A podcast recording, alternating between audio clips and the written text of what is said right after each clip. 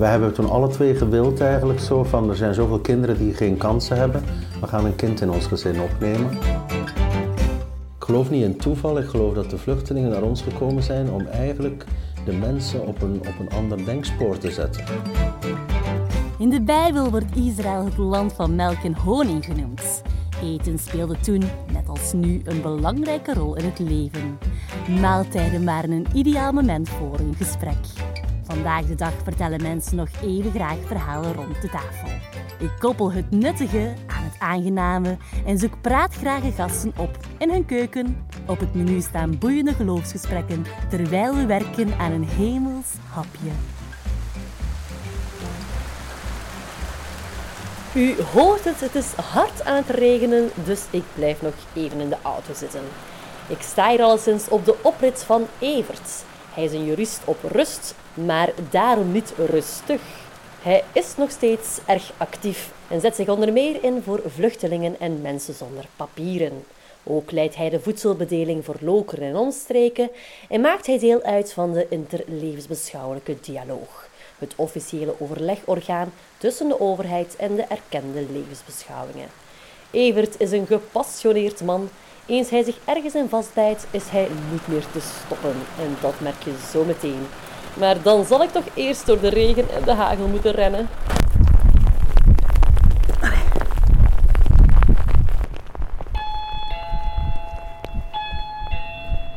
Hallo. Heel goed in zo'n regen. Ik kom hier op het juiste moment toe. Ah, ik ga mijn, even een paar dingen opzij leggen, hè, want die techniek hier allemaal. Welgekomen hier in Sinai. Dank u dat ik hier mag schuilen in jullie huis, want het is buiten is een hondenweer. hondenweer. Voilà. Hondenweer. Voel je maar thuis. Hè?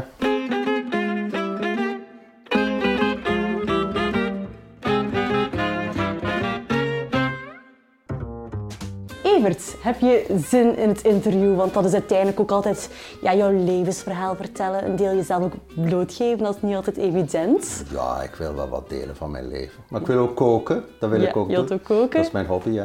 Ja, misschien eerst, wat wat zijn jouw verwachtingen van ons gesprek? Goh, misschien toch wel dat ik iets van mezelf mag delen. En misschien naar de luisteraars zo dingen die herkenbaar zijn. Dingen vertellen die, eh, waar mensen zich in terugvinden, waar we elkaar in begrijpen. Daar, eh, daar hoop ik wel een stukje op. Oké. Het helpt om onze tongen wat losser te maken als we misschien inderdaad onze magen ook kunnen vullen met wat lekkers. Dat is heerlijk. Dus misschien moeten we ons gesprek starten in eh, We gaan jouw naar de keuken. keuken, hè. We gaan naar de keuken. Ja.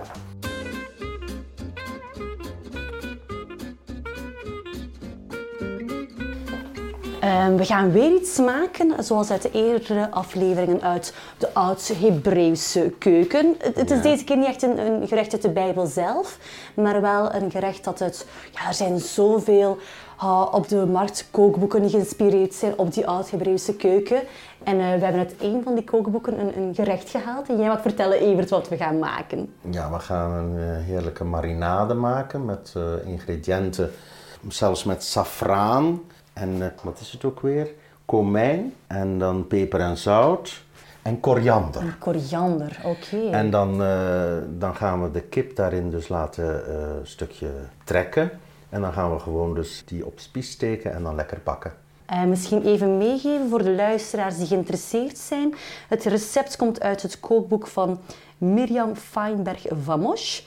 En wat ik ook leuk vind, eh, ze geeft al haar gerechten een bijzondere naam. En dit gerecht, daar geeft ze de naam Salomo's kipsatés mee. Amai Salomo. Salomo's Ja, klinkt mooi, kipsatés. Klinkt mooi. Ja, en Evert, dat brengt ons ook direct bij het Bijbelvuur die we vandaag willen bespreken. En dat is Salomo, koning Salomo, de zoon van koning David, die lang, lang, lang geleden over Israël heerste.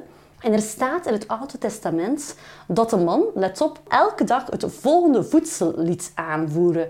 Ik weet niet of jij in de buurt een Bijbel hebt liggen, maar misschien moet jij je Bijbel even het stuk openslaan in 1 Koningen 4. 1 koningin 4. 1 Koningen 4, vers 22 tot 23. Aan Salomo's hof werd dagelijks de volgende hoeveelheid voedsel gebruikt. 30 ezelslasten tarwebloem en 60 ezelslasten meel. 10 gemeste runderen, nog 20 runderen, 100 schapen en geiten en dan nog herten, gazellen, reebokken en gemeste hoenders. Dat zijn, Dat is onvoorstelbaar dat veel. zijn, dat zijn enorme Dat overtreft de hoeveelheden. die in mijn keuken verwerkt worden. Ik, ik kan dus wel zeggen, Evert, dat, dat koning Salomo wel een man was met een, een goede appetijt. Hè. Dat is een Ja, ja, understatement. Mag ik mij zo vrij voelen om te zeggen, Evert, dat jij ook een man bent met een, een goede appetijt, getuige jouw buikje daar? Eh, ja, ik ben inderdaad, ik heb een klein beetje obesitas, dus dat is inderdaad niet goed. Maar ik hou dus van lekker eten. Ja. En ik probeer me toch een klein beetje aan de maten te houden. Ja, Ja, maar af en toe een Bourgondische ja. maaltijd af en toe wel ik wel wat Bourgondisch. Ja, ja, ja. Oké, wie doet er marinade en wie snijdt de kip? Kies maar. Weet je wat ik zal doen? Ik zal de, de look snijden. Oké, oké, jij zet begin jij wat met de marinade? Ik begin met de marinade. Ja, ja, ja. Oké, ik haal het recept erbij.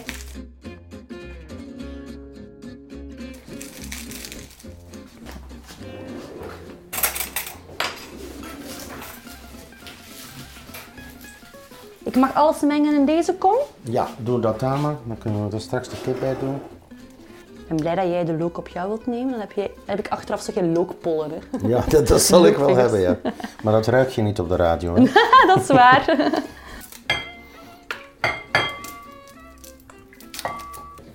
Ik zal er nog een klein beetje een scheutje bij doen van Doe de maar hoor, doe maar.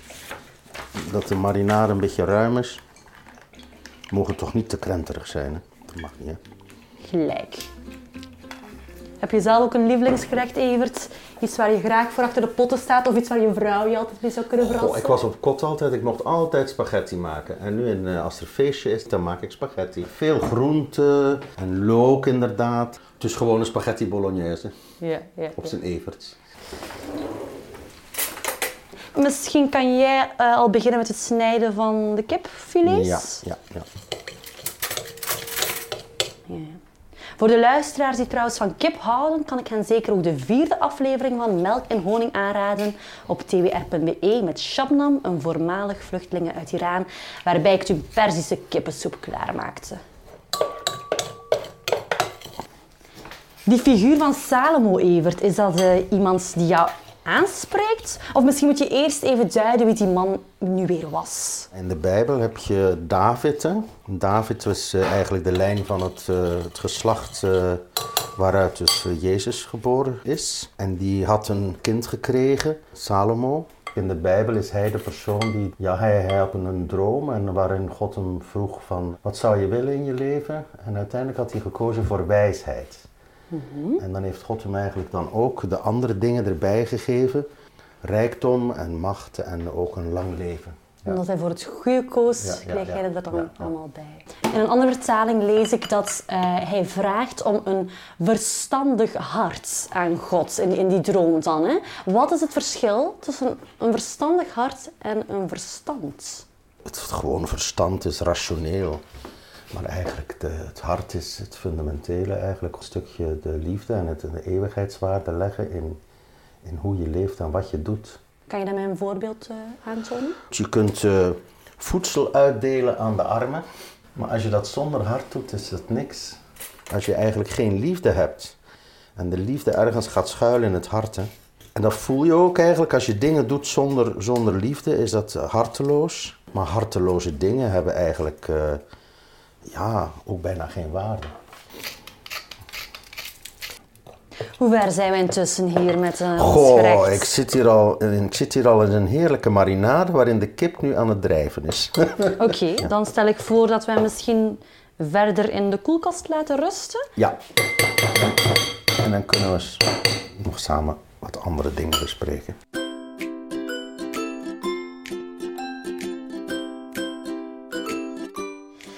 Ja, Evert, we zitten hier nu gezellig aan de tafel neer. Ja, Ehm, ja, iedereen kan nog duidelijk horen dat, hoewel je bijna al je hele leven in België woont, je toch nog een, een Nederlandse tongval hebt. Hè? Dat kan je niet verbergen. Hè? Ik ben Belg geworden en ik kan het niet kwijtraken dat ik in Nederland ben geboren.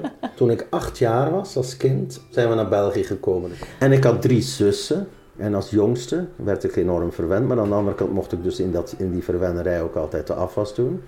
En op een bepaald moment, dat was ook toch wel een anekdote, dan, dan werd warm water werd nog in een, in een keteltje opgewarmd. En die gieten dat ineens over mijn arm en dat vel dat ging er zo af. Maar Wat een lieve zussen heb ja, jij. maar er was een schat van een zussen, schatten van zussen. En die hebben mij dan opgevangen en vertroeteld. En, eh, Behalve op die moment. ik ja, op dat moment. Maar ik weet ook wel dat ik enorm koppig en lastig kon zijn. En dat ik bijvoorbeeld niet naar huis wou. En dan zei mijn jongste zus... Evert, rotjoch, je moet mee. En dan stak ik mijn voet tussen de spaken. Maar dat deed pijn, zeg. ja. Ja. Ja, dat, dat was niet zo'n goed plan. Dat Nee, dat was een slecht plan. Slecht plan. Was je welgesteld opgevoed? Mijn vader kwam eigenlijk uit een, uit een wat burgerlijke, ja, welgestelde familie. Zijn, zijn grootvader was archivaris van Dordrecht. Mijn, zijn vader was hoofdleraar conservatorium in piano, een pianist en gaf concerten. Maar mijn vader is predikant geworden en ik heb wel een periode meegemaakt, predikant die niet veel betaald werd en dan allerlei ja, toch financiële problemen. En hebben we eigenlijk wel eh, echte periodes gehad dat het enorm krap was. Ben je ook gelovig opgevoed? Bij ons thuis was het geloof enorm centraal. Mijn vader predikant, maar mijn moeder eigenlijk diep gelovig. Het is bij mij als kind eigenlijk meegegeven. Wat was verder jouw droom om, eh, als je later als je groot was, van beroep te zijn? Ik was nogal een babbelaar. En dan uiteindelijk heb ik zo gekozen om, om rechten te gaan doen. Aan de Vrije Universiteit in Brussel. Heb je dan ook een, een stage gelopen als advocaat? Ik heb eigenlijk geen stage gelopen. En dat kwam een beetje ook. Mijn vader die liep naar de 65 en die ging op pensioen.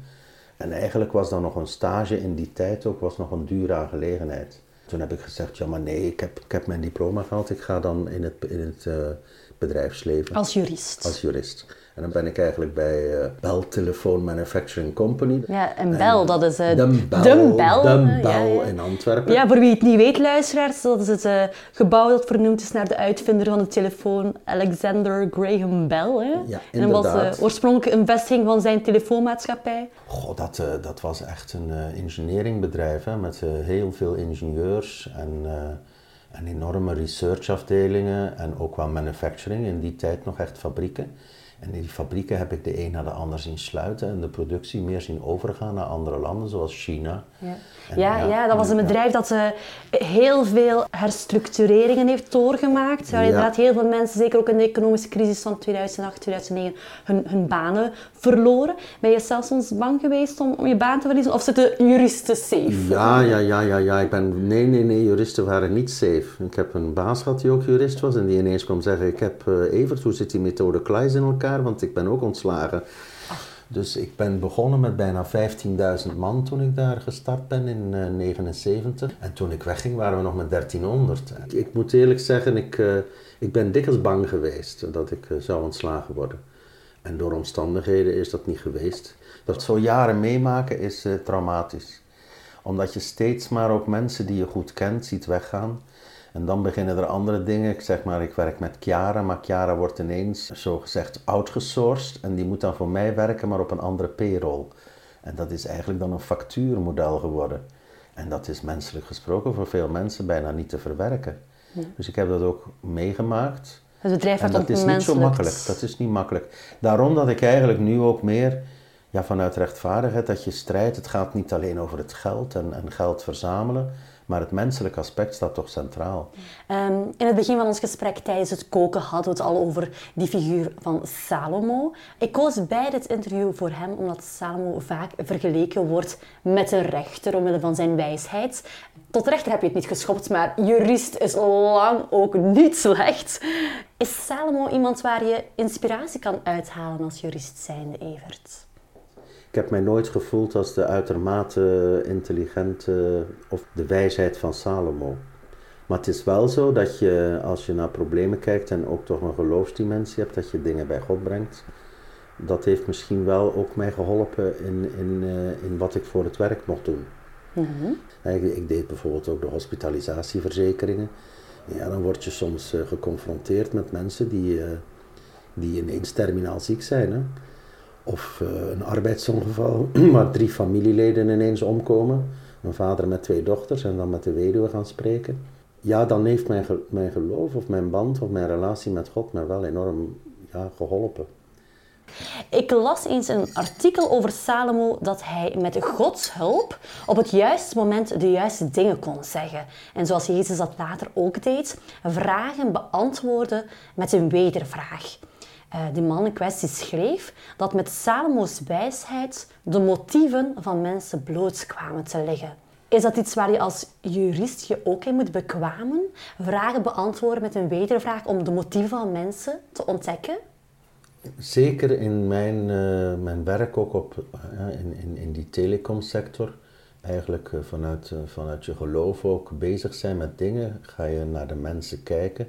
Als er dingen dan ook misgaan, naar de motieven.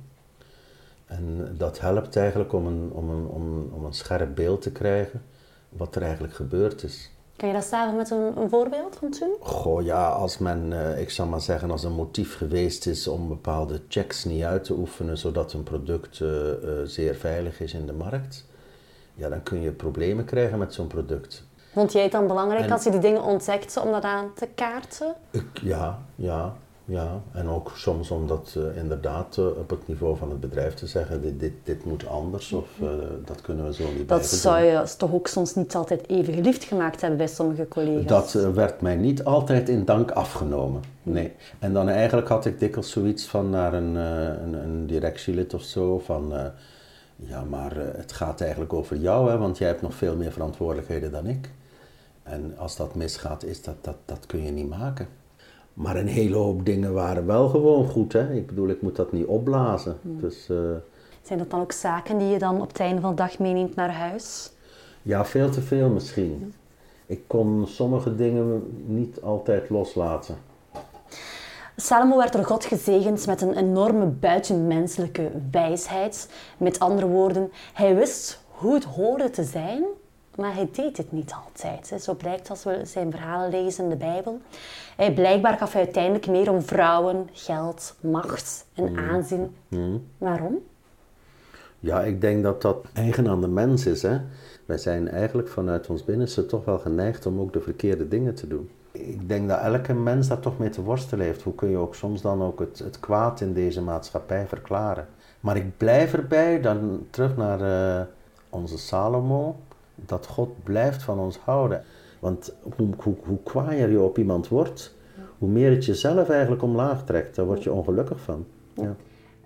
De meeste mensen zijn eigenlijk bezig met hoeveel hun investeringen kunnen opbrengen. En dat je heel veel mensen ziet die enorm gekluisterd zijn. Ik denk dat dat een stukje de val geweest is van Salomo. Als je zo rijk bent en zoveel eten en zoveel uitstraling en al die vrouwen die hem adoreren en dat hij dan ten val gekomen is daaraan. Hè?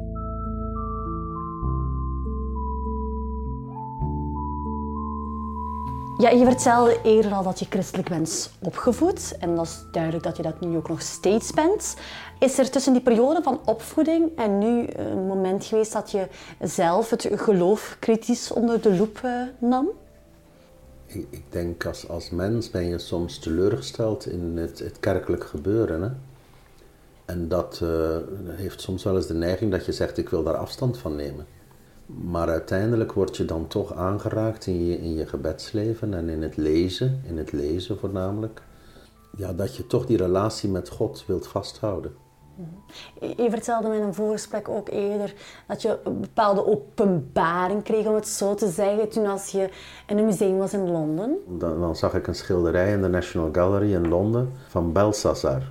Dan ziet hij een geschrift op de wand van uh, de tempel verschijnen, waarin staat dat hij eigenlijk te licht bevonden werd. En dus diezelfde nacht eigenlijk wordt hij ook nog vermoord door uh, Persische uh, ja, invallen. Dat is ook een verhaal in de Bijbel. Maar dan had ik eigenlijk zoiets voor mezelf, ik wil niet zo belanden dat ik eigenlijk te licht bevonden word. Ik wil er ernst mee maken.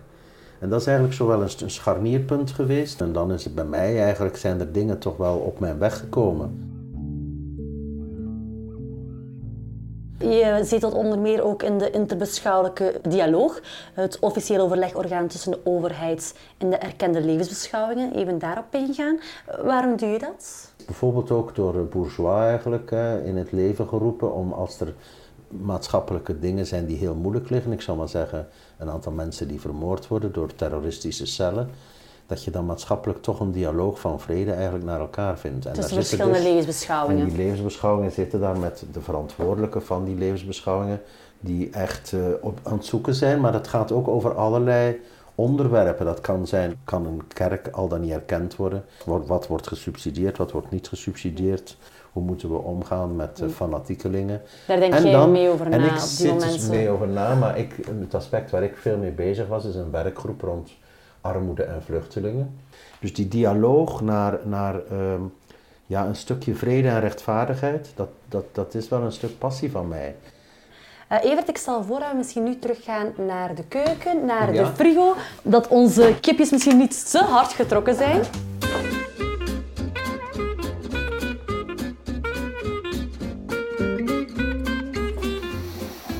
Laten we Dan eens pakken we kijken. de stokjes. We hebben satéstokjes gekocht. Doe ze maar open. Ik ga eens ruiken. Het ruikt lekker, hè? Ja, ja, de knoflook prikt nog steeds in mijn neus. er zit tamelijk veel knoflook in. Ja.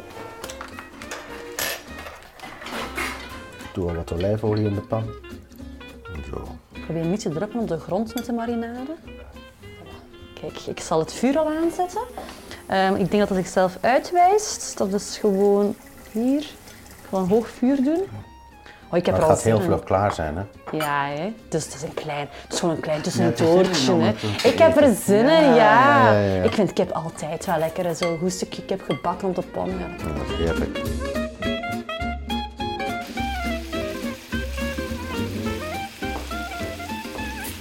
We zijn heerlijk aan het eh, bruineren, of hoe noem je dat? De, de Braden? sticks aan het braden. En straks, als we bijna aan het einde zijn, ga ik al die lookresidu en dat olie en marinade er ook bij doen. Hè. Ja, laat er maar een goed korstje op komen. Hè. Ik heb er al helemaal zin in om er eentje op te eten. Ja, vandaag mogen we een beetje Bourgondisch zijn. Ja, Hè. een beetje, hè, een beetje top, ja. Zal ik deze nemen? Ik wil graag die, ja. Dank u wel. Voilà. Oké, laten we dat satéetje eens proberen. Eet smakelijk. Ja, smakelijk. Ja, eten is belangrijk, hè. Maar het is ook een stukje feest van samen te delen. Een soort relatie samen rond de tafel. Ja, ik vind Dus, dat eh, bijzonder hoeveel eten eigenlijk aan bod komt in de Bijbel. Ja, ja. Hm, Evers, ik vond jou een goede kok. Ja, Ja, hè. ja. Heel lekker, heel lekker. Dan komt er een Maar het recept is eh, schitterend. We zijn Salomo dankbaar. Ja, ja, ja. Salomo's kipsatés en eh, de auteur ervan. Ik ga die ook gewoon op Facebook zetten voor de luisteraars die het willen namaken. Ehm, eh, eet gerust verder of neem een pauze. Ik ga alleszins ehm, nog een paar vraagjes aan jou stellen. Als je het kan combineren, doe het zoals je wilt. Ja, ja. We gaan een beetje verder gaan op eh, jouw leven, Evert. We hebben intussen al een stukje achtergrond van jou meegekregen. Je kreeg zelf ook een gezin. Eh, je bent getrouwd en je kreeg twee kinderen. Maar daar bleef het niet bij, want jij en je vrouw kozen er ook voor om voor pleegkinderen te zorgen. Vertel daar eens iets meer over. We hebben zelf twee jongens, hè. eentje van 32 eh, en eentje van 37. En ehm, er was nogal een, een, een lange periode tussen. Het heeft eigenlijk bijna vijf jaar geduurd voordat de tweede kwam. Dat, dat was iets medisch ook. En, ehm, maar we hebben toen alle twee gewild eigenlijk zo van, er zijn zoveel kinderen die geen kansen hebben. We gaan een kind in ons gezin opnemen. Maar over de jaren heen hebben we dus allerlei kinderen in huis gehad. Hoeveel kinderen heb je zo in totaal eigenlijk in die Goh, huis ik, gehad? ik, ik wil het kwijt, maar ik denk dat wij zeker wel een, een zes, zeven kinderen in huis gehad hebben. De ene heel kort, de andere soms weekenden, een derde eigenlijk een jaar en, en zo. Dus allemaal verschillend. Ja, ja. Maar dat heeft ons, eh, onze eigen kinderen, daar ben ik wel eigenlijk blij om. Onze oudste zoon, Thomas, die, die heeft uiteindelijk later ook ervoor geopteerd om toch ook eh, pleegkinderen in huis te nemen. Hij was geïnspireerd door Hij was geïnspireerd en daar was ik eigenlijk blij om. Hij heeft dat niet misschien zo expliciet gezegd. En nu hebben we dus eh, vier ook pleegkinderen bij onze oudste zoon. Ja, ja. Pleegkinderen brengen vaak ook een, een rugzakje aan, aan bagage mee. Dat kan toch ook soms niet altijd gemakkelijk geweest zijn in dit gezin, voor zowel voor jullie als voor de kinderen die er komen. God, de maatschappij zit vol met veel pijn. Dus eh, die kinderen komen dus soms ook uit hele pijnlijke situaties. En met pleegkinderen heb je het contact met het natuurlijk milieu. En dat wil dus zeggen, die, die familie.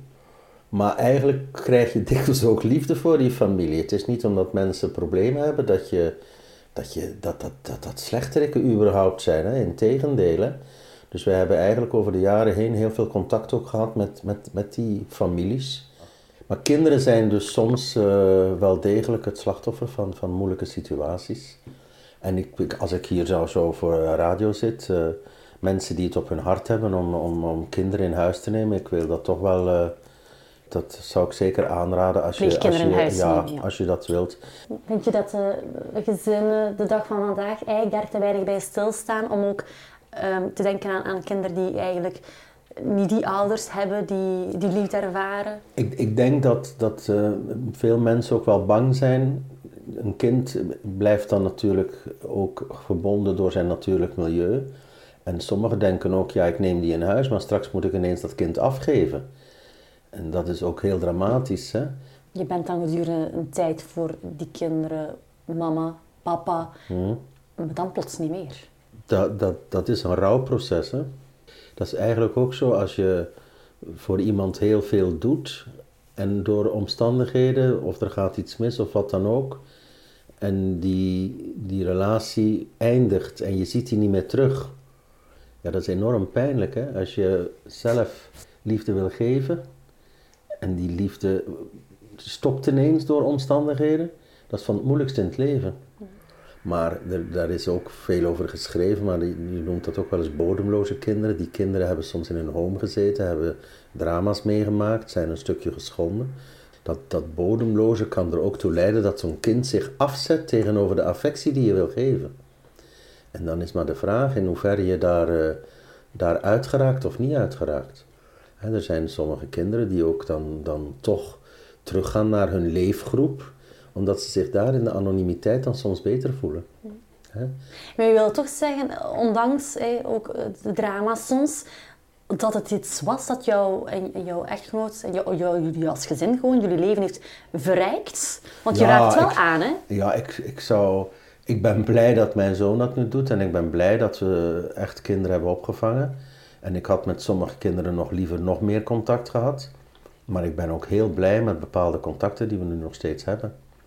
En dat is... eh, ja, dat, dat maakt je ook dankbaar. Hè, dat er op het moment dat de andere ook dan soms in zijn leven ook de traumatische ervaringen van zijn jeugd ook doormaakt, dat je er dan toch nog een stukje bent. Eh, je bent intussen met pensioen, maar je zit niet stil, want ik weet dat je heel veel sociaal werk verricht. Eh, onder andere voor mensen zonder papieren, mensen in armoede ook. Doe je dat vanuit je christelijke motivatie? Ehm, ik kreeg het verlangen om, om eigenlijk naar, eh, naar mensen te gaan die, die het moeilijk hadden. En dat is een stuk misschien herkenning, omdat ik het ook in mijn jeugd ook wel zo'n periode gehad heb. En ik moet zeggen, ik ben enorm blij dat ik dat heb mogen doen. Dat is niet zomaar een, een opgave. Het is wel een verlangen geweest om dat te doen zoals dat in, in, in, in, in de Bijbel staat. Maar uiteindelijk begin je anders te leven en sta je op en denk je, ja, eh, laat God maar op mij wegbrengen wat er vandaag op mij wegkomt. Laten we eerst het hebben over dat vluchtelingenwerk. Je zit in het bestuur van twee vluchtelingenorganisaties, eh, Vlos en Gave Vesten. Om welke reden?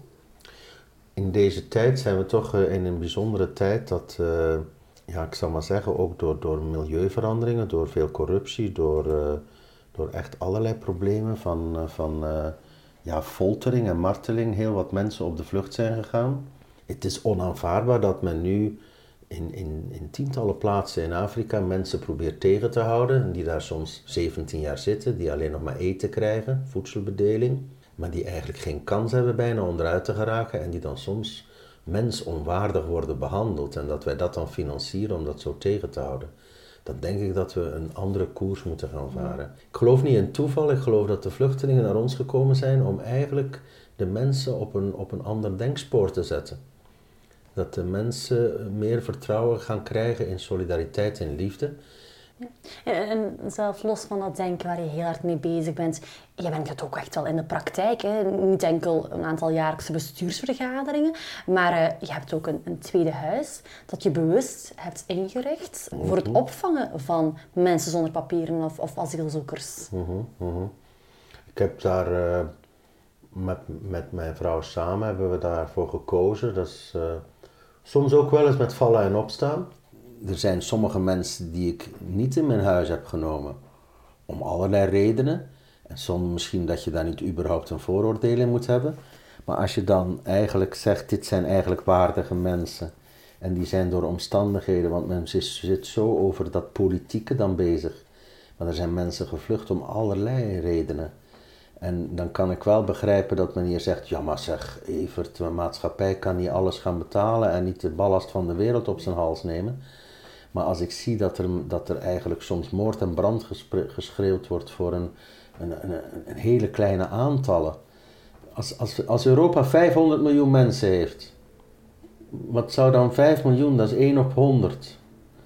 Maar men, men maakt zich verschrikkelijk druk over een paar honderdduizend. Dus dat zijn echt volgens mij totaal absorbeerbare toestanden, maar die men niet wil. Maar het contradictorische is soms dat ze naar dan gebieden terug moeten waar de overheid ook totaal niet in staat is om, om, om akkoorden mee te sluiten, zodat de veiligheid daar in het gedrang komt.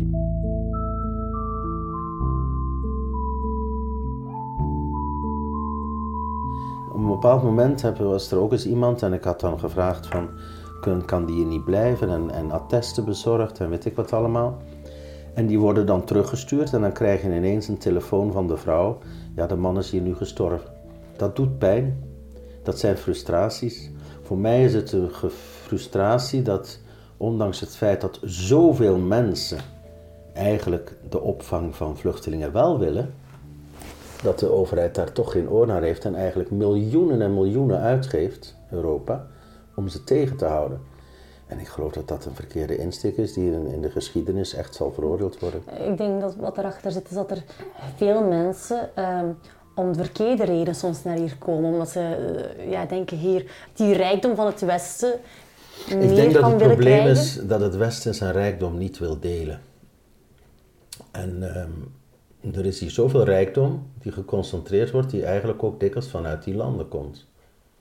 Congo is door België heus wel uh, een stukje leeggehaald. Hè? Mhm. Je hebt ook een aandeel gehad in de humanitaire corridor die Sant-Egidio in partnerschap met allerlei erkende eerdiensten in ons land oprichtte. En die de voorbije jaren een groot aantal christelijke oorlogsvluchtelingen uh, en ook niet-christelijke naar ons land hielp komen.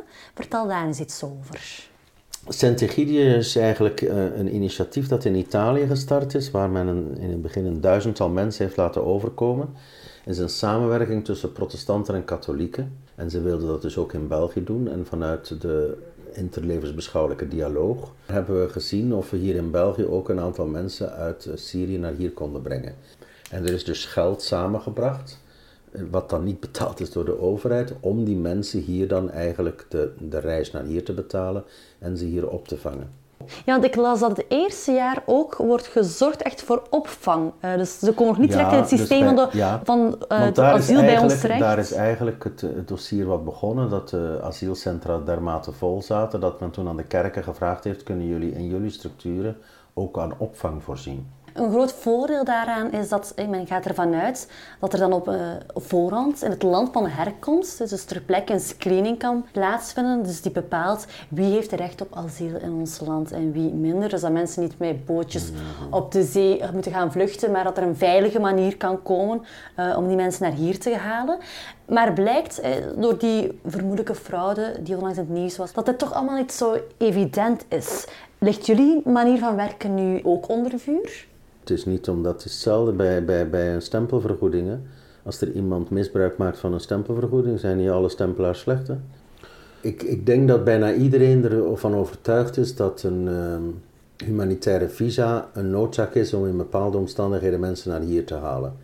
Als er een goede dialoog is met de verschillende spelers in deze maatschappij, met allerlei deskundigen, maar ook met de verschillende levensbeschouwingen. Hè. En dat wij dan onderling in dialoog kunnen gaan van wat goed zou zijn en wie we wel zouden helpen en wie we niet zouden helpen.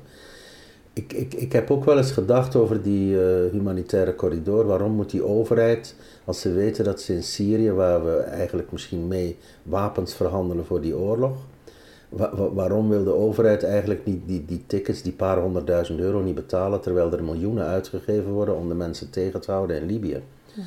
Dus eigenlijk is het een stukje politiek, maar waar ik vind dat de burgers van dit land ook mee in de dialoog moeten. Je leidt ook samen met een team een, een voedselbedeling in Lokeren. Het is een christelijk VZW, dat klopt? Ja, dat is bij ons ook Je, is het voedsel verdelen, maar heeft ook wel te maken dat als je mensen die ook in geestelijke nood zitten, dat je daar ook eens naar luistert, dat je daar ook een gesprek mee aanraadt. Ja, inderdaad. Die, die mensen, ehm, kan jij dan soms vertellen over de figuur van, van Jezus of hebben ze daar geen boodschap aan? Wat we alleszins doen is een stukje af en toe, af en toe communiceren dat wij wel vanuit onze geloofsovertuiging dat doen. Hoeveel mensen komen er op zo'n avond langs? Plak daar eens een getal Het maximum wat ik gehad heb in Lokeren op één avond was voor 682 mensen. Ja. Wat vind je daarvan? Ja, dat, is, dat laat zien dat er toch een enorme nood is. Er zijn er meer en meer die ik zie die echt niet meer de dingen rondkrijgen en die ongelooflijk dankbaar zijn dat ze hulp krijgen. Maar het is ook het punt, als je uitdeelt zonder hart, eigenlijk is het, vind ik eigenlijk, dat, is, dat je meer de, de liefde en vriendschap aan die mensen doorgeven. En ook soms oor te hebben naar, naar de problematieken waarin ze inzitten, soms nog veel belangrijker is dan, dan het geven van dat voedsel. Maar dat voedsel hebben ze gewoon ook nodig om, om, om stukjes soms soms eh, de maanden door te komen. Hè. Zij besparen soms om voedsel omdat ze andere kosten hebben die ze bijna niet meer kunnen betalen. Je doet dat in samenwerking met de kerk van Lokeren, maar waarom moeten jullie dat als kerk doen? Is dat in onze geseculariseerde maatschappij geen taak geworden van de overheid en het OCMW? Veel OCMW's hebben ehm, door de jaren heen dat eigenlijk niet willen doen. Ook waarschijnlijk omdat als je dat met betaalde krachten doet, dat dat een ongelooflijk dure aangelegenheid is. Maar is dat geen taak van de overheid om daar ook in te voorzien dan? Om daar geld voor vrij te maken? De overheid wil overal op besparen. Hè? Hè? Ook op armoede. Dus Wel, en het de sociale zekerheid wordt ook maar steeds op bespaard. En dan komt eigenlijk de andere vraag. Waarom moeten sommige mensen zo ongebreideld rijk zijn? Hè? Sommige mensen zouden een stuk van hun welstand kunnen afstaan en, en daardoor zouden heel wat mensen geholpen zijn. Kijk, die hulp van mij, als je dat nou financieel uitdrukt, is een kost van 7000 euro per jaar. En, en dan ga je dan in een radio-uitzending over geven. Maar sommigen zitten met miljoenen en miljoenen of miljarden. En organiseren dat als zo verleiden dat er geen cent naar de overheid gaat. En wij als maatschappij blijven daar maar mee verder gaan. Dat, dat vind ik erg.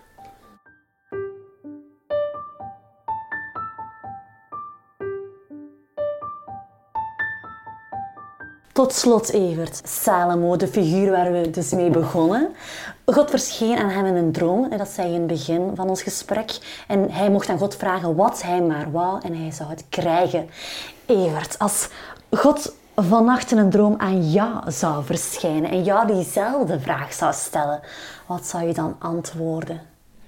dat al diegenen die lijden onder onrechtvaardigheid, en dan denk ik in het bijzonder aan, aan de vele vluchtelingen die in het buitenland of hier eigenlijk zijn, ook vervolgde christenen, dat er iets zou mogen veranderen, dat er een, een andere houding komt om met die mensen samen op stap te gaan en samen te zien wat de beste oplossing is. Wil je soms niet gewoon de politiek instappen? Uh, veel liever niet, nee. Liever uh, in het middenveld gaan staan? Ik blijf liever in het middenveld staan aan de kant van diegenen die het moeilijk hebben, maar ik wil wel graag in de dialoog treden, ja. Hey, armoede en asiel, dat zijn onderwerpen waar jij jou echt in, in, in vastbijt, hè? dat proef ik bij jou. Um, je gaat echt voor, je bent een man met veel passie. Raak je nooit uitgeblust? Ja, als je, als je dingen doet, heb je ook teleurstellingen. En geeft dat ook spanning. En um, zeer zeker. Ik je bent geen wonderboy, hè? Evert, dankjewel om je verhaal met mij te willen delen. Het is altijd fijn om geïnspireerde mensen te mogen horen vertellen. Wie het verhaal graag nog eens wil terugbeluisteren, misschien een deel heeft gemist of een eerdere aflevering van Melk en Honing wil horen, kan terecht op www.twr.be. Voor foto's en het recept van onze kipsatés, onze heerlijke kipsatés trouwens, kan u surfen naar onze Facebookpagina Trans World Radio België. En ik nodig jullie ook uit om hier reacties achter te laten. Bedankt voor het en tot de volgende keer.